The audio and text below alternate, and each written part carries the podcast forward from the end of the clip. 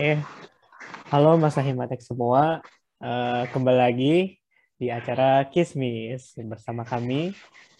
Nah, pada kesempatan kali ini kita kedatangan tamu spesial nih, salah satu uh, pejabat tinggi di Himatek, yaitu Ketua BPA Himatek ITB, yaitu ada Kak Darwin. Halo Kak Darwin. Halo. Eh, gimana kabarnya Kak? Baik banget, luar biasa ya. Eh, kalau kalian gimana tuh? Eh, kalau aku baik, Kak. Nih, kita sapa dulu salah satu teman kita kan nih. Halo, Davin. Halo, Kak Bian sama Kak Darwin. Aku juga kabarnya baik sih, kan um, pertama masuk kuliah, jadi masih excited sama apa yang mau dipelajarin di semester ini gitu sih. Kalau Kak Darwin, eh, gimana kesannya pas pertama kali kuliah, terus uh, mungkin kesibukannya ngapain gitu. Aku kan tingkat dua kayak kepo gitu tingkat 4 ngapain aja terus kalau di BPA juga ngapain. Masih jauh sih tingkat 2 ya kak. kalau kesannya sebenarnya nggak ada yang berkesan lagi ya karena udah tingkat 4 juga terus juga masih sebetulnya masih mengejar ya, mengejar tugas-tugas, malah tugas-tugas dari semester 7 itu masih ada yang ke bawah, misalnya KP, RP, penelitian. Jadi ya nggak ada yang berkesan sih sebenarnya. Lebih sibuk. Ya gitu deh.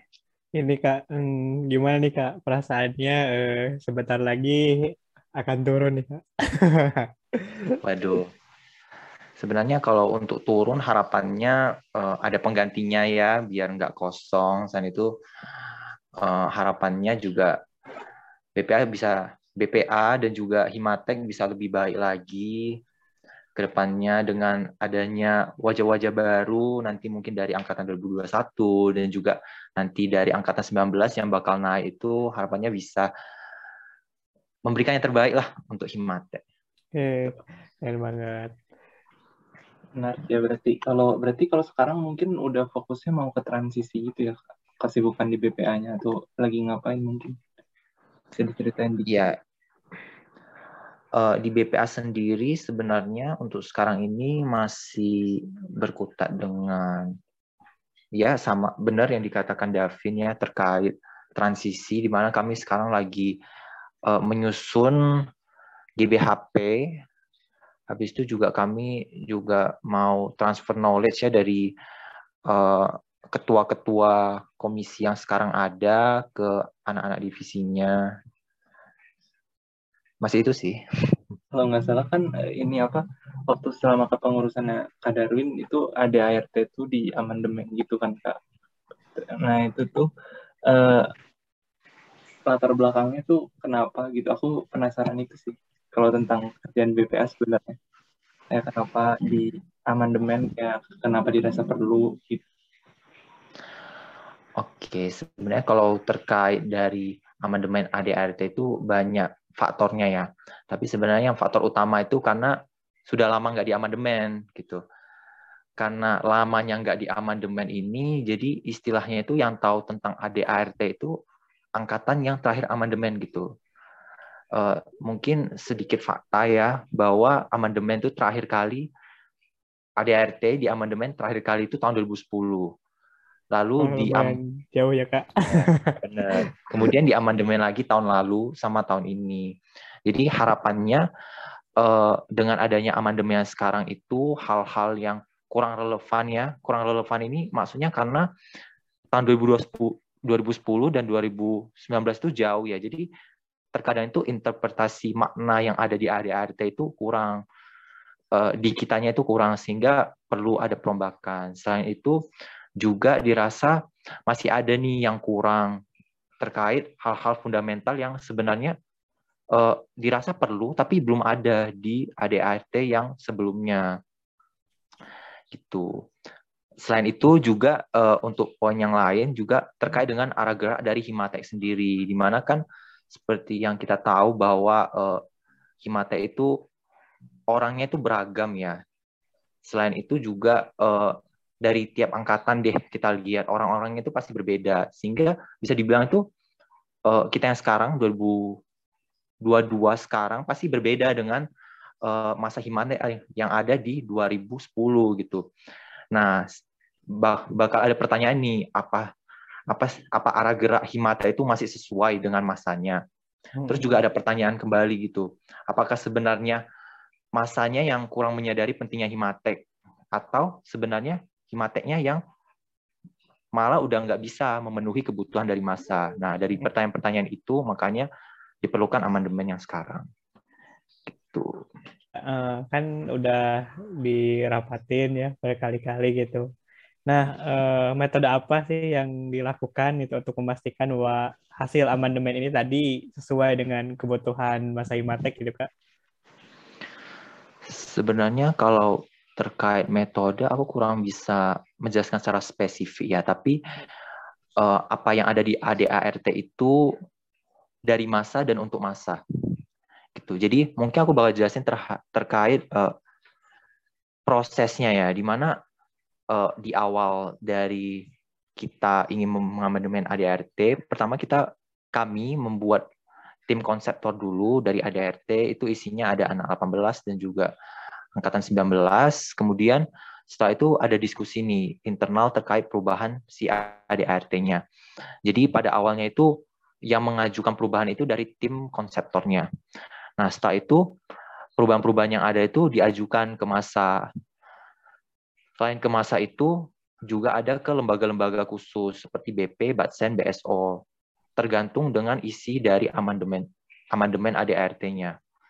Kemudian hal itu dilakukan untuk mencari kritik, meminta kritik dan saran dari mereka sehingga kita dapat merombak ulang di merombak ulang dari uh, perubahan yang sudah dilakukan. Jadi istilahnya agar uh, dapat mempertemukanlah si pendapat yang setuju dan tidak setuju dari perubahan yang dilakukan. Kemudian dilakukan nih musyawarah untuk menyampaikan perubahan itu secara lisan ke masa. Nah, dari musyawarah ini pasti juga ada saran-saran lagi kan. Nah, saran-saran itu kemudian didiskusikan kembali, habis itu bakal jadi perubahan finalnya. Nah, perubahan final ini kalau berdasarkan ADART itu harus disetujui oleh dua per 3 dari jumlah masa Himate. Itu untuk anggaran dasar dan 3 per 5 dari jumlah BPA untuk anggaran rumah tangga setelah dilakukan persetujuan itu baru masuk ke sosialisasi. Di mana di sosialisasi ini kita bakal kami bakal ngebacain terkait perubahan-perubahan yang ada. Kemudian juga akan ada diskusi nih. Diskusi ini isinya itu bakal mencakup eh, keputusan-keputusan yang masih ada nih yang tidak setuju. Misalnya ada satu poin yang masih tidak setuju. Nah bakal langsung didiskusikan di sosialisasi itu, kemudian bakal langsung disahkan di tempat itu juga. Gitu. Wah, jadi panjang banget ya kak, intinya ada diskusi. Iya. Yeah. Segala macam, terus ada syarat-syaratnya juga. Nah tadi kan Kak Darwin sempat nyinggung tentang yang kayak orang yang nggak setuju gitu, berarti kan pastinya ada dong kayak yang nggak setuju gitu. Terus kalau aku mungkin penasarannya tuh kenapa sih kayak kekhawatiran itu di mana atau nggak setujunya tuh biasanya karena apa? Oh, kalau untuk ketidaksetujuan itu sebenarnya banyak banget, banyak banget alasannya. Ada yang karena tidak sesuai dengan norma yang mereka anut, juga misalnya ada hal-hal yang mereka rasa bahwa itu seharusnya tidak diubah.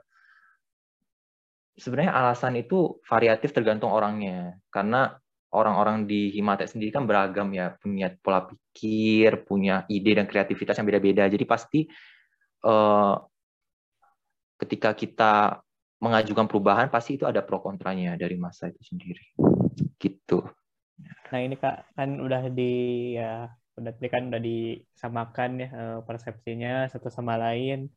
Nah tapi kan dari hal tersebut tuh masih ada gitu pihak-pihak yang tidak setuju dengan keputusan yang diambil. Nah, baik di dalam BPA, di BP atau di dalam konseptor ataupun ya di masa himatek pada umumnya. Nah, kira-kira eh, apa sih langkah yang BPA ambil gini Kak? Hmm. Sebenarnya kalau untuk setiap komponen yang tadi disebutin kayak BPA, BP, tim konseptor, terus juga ada masa. Sebenarnya itu metodenya sama ya, di mana uh, mediasi yang kita lakukan itu harus uh, istilahnya pada awalnya harus dapat mewakili pihak yang pro ataupun kontra. Jadi dalam hal ini tuh BPA itu harus selalu netral. Mau itu keputusannya sengaur apa pun ya, tapi selama selama mereka menyampaikan, BPA itu harus dapat menerima saran tersebut dan kemudian diolah. Itu. Nah, masalahnya pasti ada yang setuju, ada yang nggak setuju. Jadi kadang itu kan nggak bisa ditemukan jalan tengah kan. Kadang Oleh sebab itu, gitu ya kak. Ya. Namun dalam hal ini sebagai contoh ya, sebagai contoh amandemen ADART yang tahun lalu, di mana masih ada poin yang padahal uh, kami sudah coba untuk berdiskusi, mendiskusikan kembali terkait saran yang dari orang yang tidak setuju dan setuju untuk dielaborasi menjadi keputusan yang baru ya, yang sekiranya dapat mewakili, tapi masih ada yang tidak setuju nih. Nah, pada akhirnya ketika sosialisasi, di mana ketika sosialisasi itu biasa dilakukan dengan rapat anggota kan. Jadi masanya itu banyak. Jadi kami meminta pihak yang setuju dan tidak setuju itu untuk menyampaikan pendapat mereka, seperti diskusi gitu. Nah, sebenarnya pada awalnya dengan adanya diskusi itu diharapkan itu uh, istilahnya ada yang dapat mengalah ya. Mengalah ini maksudnya mereka dapat menyampaikan oh kayaknya emang seperti itu gitu. Tapi biasanya itu tuh jarang terjadi. Nah, pada akhirnya uh, kami biasanya memberikan waktu misalnya 10 menit untuk berdiskusi. Jadi dari pihak yang setuju dan tidak setuju itu menyampaikan pendapat mereka. Ketika 10 menit itu sudah habis uh, dan belum ada keputusan yang sudah ditetapkan, maka BPA itu bakal ngakuin voting. Nah, sebenarnya itu voting itu kan jatuhnya nggak mewakili keseluruhan masa ya, hanya hmm. mewakili suara yang terbanyak. Namun setidaknya karena udah adanya diskusi di awal, masa yang datang itu mereka udah tahu apa concern dari setiap pihak. Jadi mereka bisa memilih berdasarkan diskusi yang sudah dilakukan. Jadi nggak berdasarkan uh, pendapat mereka sendiri gitu kompleks banget ya nggak bisa pasti nggak bisa semua pihak tuh istilahnya puas sepenuhnya gitu ya pasti emang harus ada yang ngalah dan harus ujung-ujungnya kayak ya kesepakatan bersama terus ya mufakat aja gitu berarti kan hmm. Benar-benar nah itu terus kalau udah dibuat keputusannya kan nanti berarti kan akan diberlakukan gitu nanti tuh langkah ke depannya BPA ada nggak sih kayak semacam apa ya kayak di track lagi gitu apakah emang ini sesuai dan apakah emang berjalan sesuai dengan apa yang direncanakan gitu. Mm-hmm. Oke, okay. sebetulnya sejak tahun lalu ya sampai sekarang dan harapannya untuk ke tahun-tahun setelahnya eh, dokumen-dokumen Himatek itu yang diatur oleh BPA itu ada dua, uh, yakni ada amandemen sama GBHP harapannya itu setiap tahun itu bakal selalu dievaluasi. Mungkin dari segi interpretasi maknanya atau juga bakal dievaluasi dari segi uh, muatan di dalamnya sehingga itu harapannya uh, setiap BPA yang menjabat itu udah tahu gitu apa sih isi dari ADART sehingga nggak seperti yang sebelumnya di mana kan dari 2010 ke 2019 itu tuh kayak seperti ada gap yang membuat kayak interpretasinya itu bingung gitu. Kami sebagai BPA juga bingung bagaimana cara menginterpretasi makna dari ADART itu. Selain itu juga 2010 itu udah susah banget ya dihubungi ya karena udah tua banget. Jadi kayak komunikasinya itu pasti kemungkinan terputus. Jadi harapannya dengan adanya evaluasi yang dilakukan setiap tahun, meskipun pada akhirnya tidak diubah ya, misalnya ketika tahun depan sudah tidak ingin diubah ADART ya setidaknya mereka mengerti gitu terkait isi dari ADART gitu. Nah, terkait ADART ya, kan yang melaksanakan nih eh, pengurusan nih. Nah, posisi BPA itu ya terhadap BP dan terhadap uh, yang lain itu seperti apa sih Kak? Lebih jelasnya. Oke. Sebenarnya itu kalau misalnya disejajarin ya, maksudnya antara BPA, berarti BPA dengan ketua BP, ya.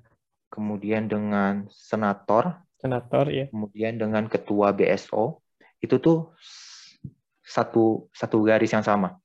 Jadi sebenarnya kami itu lebih ke koordinasi. Jadi tidak istilahnya tidak saling perintah lah. Jadi misalnya dari BPA ada nih yang kurang seret ya dari misalnya dari BP atau dari BSO. Kami itu harus berdiskusi dahulu. Jadi kami dari dalam BPA harus berdiskusi dahulu, kemudian kami sampaikan ke pihak terkait.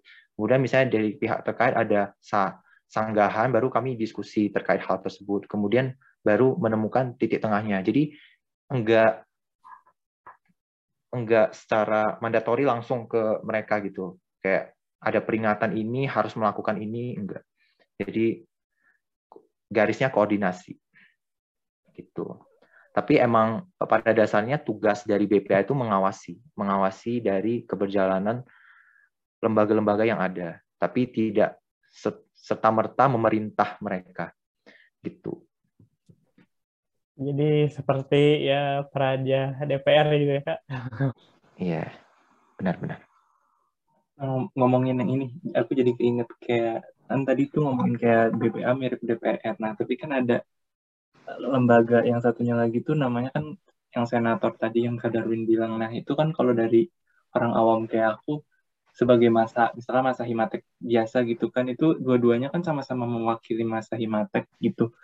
Nah, itu tuh mungkin be perbedaannya di mana perbedaannya perbedaan paling besar di mana terus kayak kalau misalkan dalam hal apa aku harus nyampein aspirasi ke senator ke terus dalam hal apa aku nyampeinnya ke BPA gitu.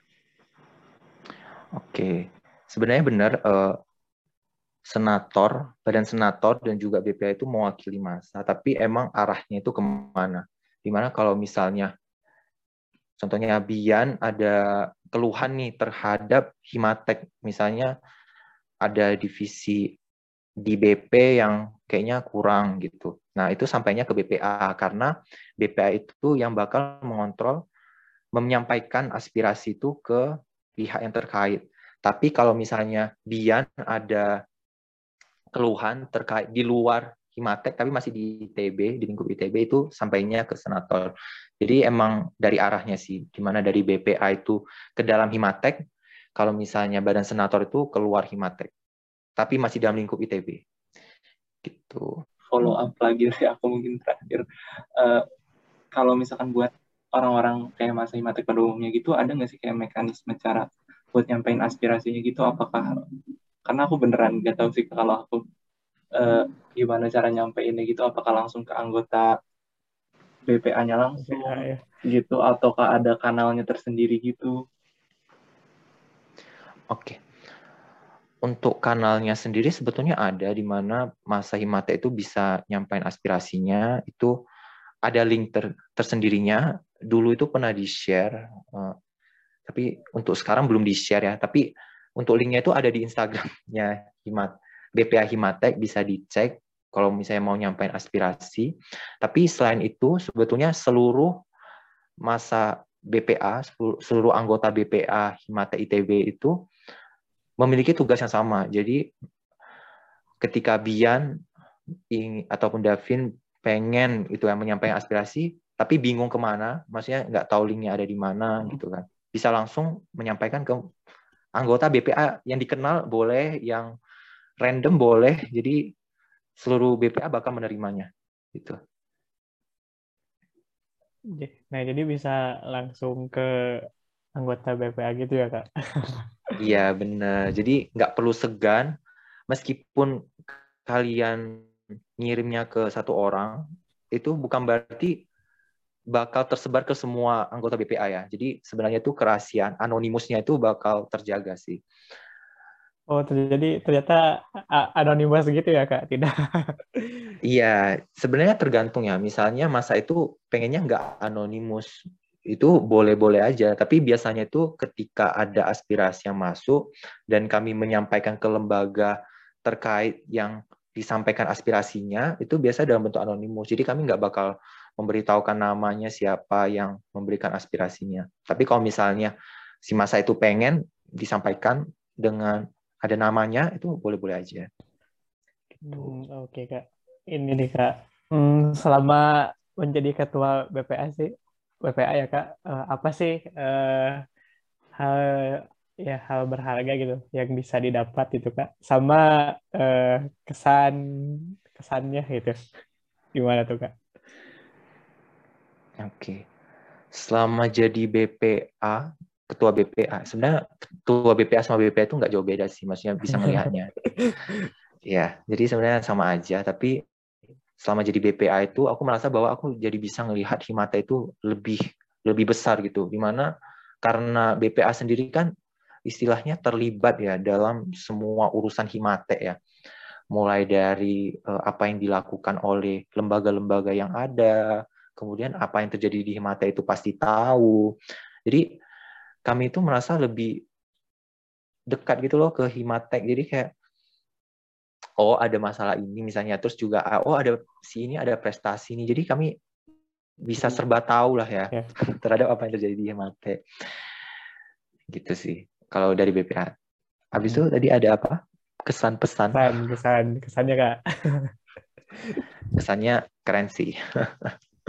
sebenarnya itu aja udah cukup lah ya. Kalau pesan sebenarnya sama seperti yang udah disampaikan tadi ya, di mana uh, masa himata itu nggak perlu istilahnya malu untuk menyampaikan aspirasinya, mau itu seaneh apa pun ya kan, kami akan tetap menerima selama itu emang masukan untuk himate kecuali emang aspirasinya tentang percintaan gitu ya. Itu kan udah tidak relevan ya ke himate ya. Nah untuk hal-hal tersebut mungkin bakal dihilangin gitu. Tapi meskipun aspirasinya aneh ataupun kadang itu di luar nalar ya kan misalnya ingin ngadain konser gitu ya kan. Nah itu kan agak ini ya agak susah ya. Tapi kami itu se seberusaha mungkin bahkan menyampaikan ke lembaga terkait gitu. Dan juga uh, nggak perlu takut gitu. Karena seperti yang aku bilang tadi anonimus ya. Jadi nggak bak nggak bakal orang ada orang yang tahu selain BPA-nya sendiri jadi nggak perlu takut untuk menyampaikan mau sekasar apa pun juga kami juga bakal nyampain tadi kan udah ada pesan kesan pesan juga itu mungkin bakalan jadi apa ya sesi terakhir kita, pertanyaan terakhir kita buat um, hari ini podcast sama Kak Darwin. Makasih buat Kak Darwin udah mau nyempatin waktunya dan semoga bisa bermanfaat buat masa himatek yang lainnya nih. Apalagi tadi kan udah dikasih tahu juga cara kayak gimana caranya um, nyampein aspirasi ke BPA, terusnya dari BPA tuh ngapain aja. Intinya makasih buat Kak Darwin udah mau nyempetin waktunya. Oke, makasih juga ya udah ngundang. Aku nggak menduga kalau bakal disuruh untuk ikut podcast. Ya, mungkin kita tutup dulu ya. Sekian dan terima kasih. Oke, sampai jumpa di podcast berikutnya.